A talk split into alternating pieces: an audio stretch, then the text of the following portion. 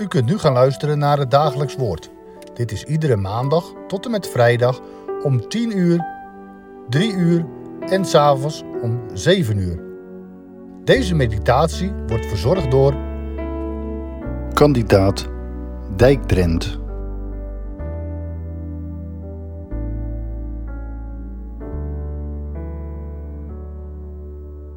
Geliefde broeders en zusters. We lezen verder uit de brief van de apostel Paulus aan de gemeente te Efeze, hoofdstuk 5, de versen 6 tot en met 10. Daar lezen wij: Laat niemand u misleiden met inhoudsloze woorden, want om deze dingen komt de toorn van God over de kinderen van de ongehoorzaamheid. Wees dan hun metgezellen niet. Want u was voorheen duisternis, maar nu bent u licht in de Here. Wandel als kinderen van het licht, want de vrucht van de geest bestaat in alle goedheid en rechtvaardigheid en waarheid. En beproef wat de Heere wel behagelijk is.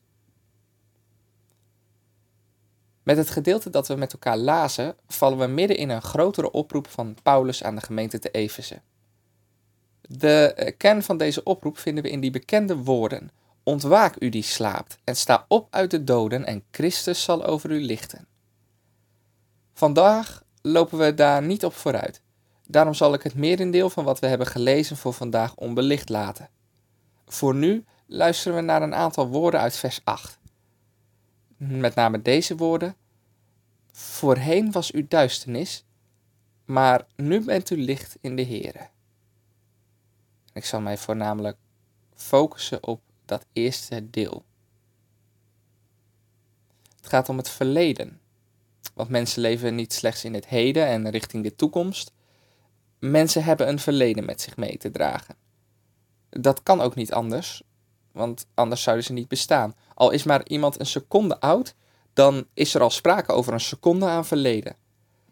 Maar als we dat zeggen, we hebben een verleden, dan bedoelen we toch meer dan dat we op een vroeger tijdstip er ook al waren. Het gaat dan meer om wat we hebben meegemaakt. En wat we hebben gedaan in die eerdere tijden. Eerdere tijden, eertijds, daar gaat het dus over. Paulus schrijft: Voorheen was u duisternis. Als we het zeggen, die of die heeft een verleden, dan is dat vaak niet zo positief. Dat betekent dat er iets donkers, iets duisters zich heeft afgespeeld. Of het nu groot lijden is, of dat iemand wat op zijn kerfstok heeft, Paulus zegt voorheen duisternis. En Paulus schrijft: U was voorheen duisternis. U. De gemeente te Efeze, de gemeente te Katwijk, u, luisteraar, en ik. Wij allen. Wij hebben een verleden, een eertijds, en dat verleden kan een moeilijk ding zijn. Wat zich ooit heeft afgespeeld, dat kan je meedragen en kan je tot een grote last zijn, vroeger lijden of zonden van voorheen. En op die lijn van de zonde wil ik met u verder, want Paulus schrijft: U was duisternis, en daarmee doelt hij op het leven van God los, het leven in de ban van de zonde. Jeugdzonde zeggen we soms. En dat is geen verzinsel van onze kant, in Psalm 25 lezen we het ook. Denk niet aan de zonde van mijn jeugd. En misschien heb je wel eens van die momenten dat je s'avonds of s'nachts op je bed ligt en je probeert te gaan slapen. En dat er ineens een herinnering aan vroeger opkomt. Vaak zo'n herinnering waar je met schaamte op terugkijkt en jezelf verwijt: hoe kon ik zo stom zijn? Of, of een herinnering van vroeger waar je zo'n spijt van hebt. Dat de tranen je weer in de ogen kunnen springen. We hebben een verleden. Maar het verleden, zei ik al, is een moeilijk ding. We laten het verleden daarom ook liever het verleden zijn. We hebben het er liever niet over. En die herinneringen die we kunnen krijgen, die zijn maar lastig. Dat vertaalt zich ook door naar de kerk en het geloof. We horen dan mensen zeggen: laat het nou een keertje gedaan zijn met dat praten over de zonde. De zonden zijn vergeven, dat is verleden tijd. We zijn een nieuwe schepping zand erover. Nu is dat laatste helemaal waar. De zonden zijn vergeven. En ons wordt toegezegd dat wij in Christus Jezus een nieuwe schepping zijn. Ja. Maar dat betekent niet dat we moeten verzwijgen dat we een verleden hebben. Als je het verleden wil wegstoppen, dan betekent dat vaak eh, dat je dat nog niet verwerkt hebt. Dat je er nog aan vastzit. En daarom, daarom doet Paulus dat niet, het verleden wegstoppen. Hij zegt het heel scherp, u was voorheen duisternis. Dat, gaat trouwens nog wat verder dan onder de schaduw van de zonde zijn. Dat roept associaties op met de buitenste duisternis waarover Jezus spreekt. Los van God zijn en in de band van de zonde leven, dat is de dood, de eeuwige verlorenheid. En iemand zei eens: Je kunt niet verloren gaan, want je ligt al verloren. Het is juist de zaak dat Jezus je uit de verlorenheid redt. Voorheen was u duisternis. Bij die woorden moest ik ook denken aan wat mijn tante mij eens vertelde. Mijn zusjes werden gedoopt en zij had toen verkering met mijn oom en kwam mee naar de dienst. En de woorden van het doopformulier klonken, waar er gezegd werd: Wij zijn met onze kinderen in zonde ontvangen en geboren, en daarom zijn wij kinderen op wie de toorn van God rust, zodat wij in het rijk van God niet kunnen komen, tenzij wij opnieuw geboren worden. En ze zei: Ik werd zo enorm boos. Want die lieve kinderen die hadden toch niks fout gedaan? Ook zo kan het woord van Paulus weerstand oproepen. Want hij zegt in feite niets anders dan dat. Ieder mens heeft een verleden. En dat verleden, hoe vroeg we misschien ook tot verandering zijn gekomen, draagt sporen van een tijd zonder God en in de zonde. Wij zijn in zonde geboren en ontvangen. Wij staan van nature buiten het rijk van God. Voorheen was u duisternis. We hoeven dat niet weg te stoppen. Of dat te overschreeuwen met andere dingen. Paulus doet dat niet in deze tekst, maar ook op zoveel andere plaatsen. Als hij bijvoorbeeld over zijn verleden schrijft, dan zegt hij: Ik ben immers de minste van de apostelen. Waarom? Omdat ik de gemeente van God vervolgd heb. Voorheen was u duisternis. Maar schrijft hij verder, maar door de genade van God ben ik wat ik ben. En zijn genade voor mij is niet te vergeefs geweest. Dat verleden hoeft niet te worden weggedrukt, ook al kan je je er zo voor schamen. Dat verleden strekt namelijk, uiteindelijk, hoe donker het ook kan zijn, tot de verheerlijking van Gods genade. Want, zo zegt Paulus nu, namens de Here, voorheen, oftewel zo is het nu niet meer. Maar nu, nu bent u licht in de Here. Daarmee praten we natuurlijk niets goeds uit het verleden. Maar we richten onze gedachten wel op God. Hij die goed is.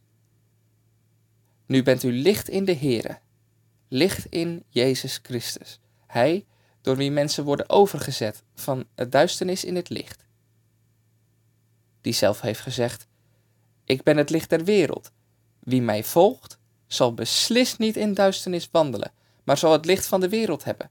En ik ben een licht, in de wereld gekomen, opdat ieder die in mij gelooft niet in de duisternis blijft. Wie Jezus leert kennen, komt in het licht te staan. Dan heeft het ook geen zin om het verleden te verbergen in de duisternis. Het proberen weg te drukken is zinloos, want het komt aan het licht. Maar niet om je dan beschaamd te doen staan. Dat, dat iedereen zal zien hoe stom je wel niet was en hoe ver heen en je daarom zal uitlachen. Of erger nog, dat God je zal afschrijven. Maar juist om de schaamte, de last van het verleden door het licht weg te vagen. Ook die duisternis moet weg. Een christen Iemand die Jezus kent, gelooft, met Hem leeft. Iemand die wandelt in het licht, hoeft dus niet bang voor het verleden te zijn, hoeft het niet te verzwijgen, maar kan het door de genade van God erkennen. En God, de Vader, Zoon en Heilige Geest, ook door alle fouten in het verleden en al, al het zondige, nu Hem erdoor loven, met recht zeggen: Voorheen was ik duisternis. Maar gezegend zij de God en Vader van onze Heer Jezus Christus, nu ben ik licht in de Heere. Een lied waarin dat gebeurt, dat kent u vast wel. Dat Amazing Grace. Het is niet voor niets dat dat, dat zo'n populair lied is. Omdat het deze, deze gang verwoordt. Voorheen was ik duisternis, maar nu licht in de Here.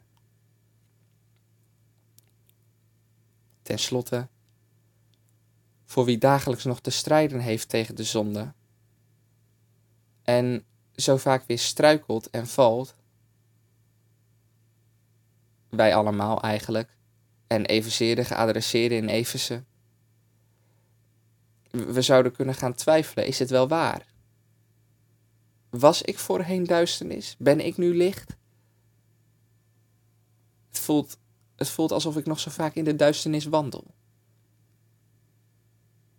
Nou, let dan op, want ons is dan datzelfde woord gegeven wat wij met elkaar lazen, zodat we niet zouden opgeven.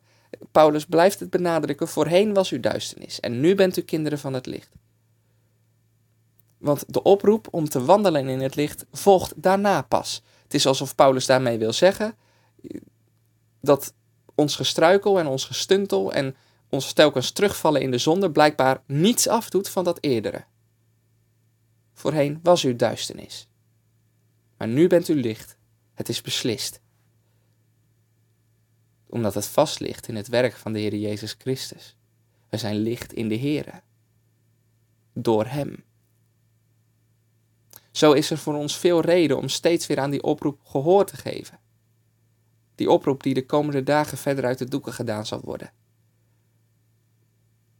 Die oproep die, die samenkomt in dat, dat woord waar ik nu deze overdenking mee wil besluiten. Waarmee Paulus ook eindigt. Uh, dat hij zegt, zing voor de Heere en loof hem in uw hart. En dank altijd voor alle dingen God en de Vader in de naam van onze Heer Jezus Christus.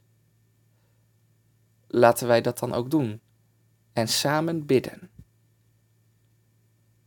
Onze Vader, die in de hemelen zijt, uw naam worden geheiligd, uw koninkrijk komen. Uw wil geschieden gelijk in de hemel, alzo ook op de aarde. Geef ons heden ons dagelijks brood en vergeef ons onze schulden, gelijk ook wij vergeven onze schuldenaren. En leid ons niet in verzoeking, maar verlos ons van de boze, want van u is het koninkrijk en de kracht en de heerlijkheid in eeuwigheid. Amen.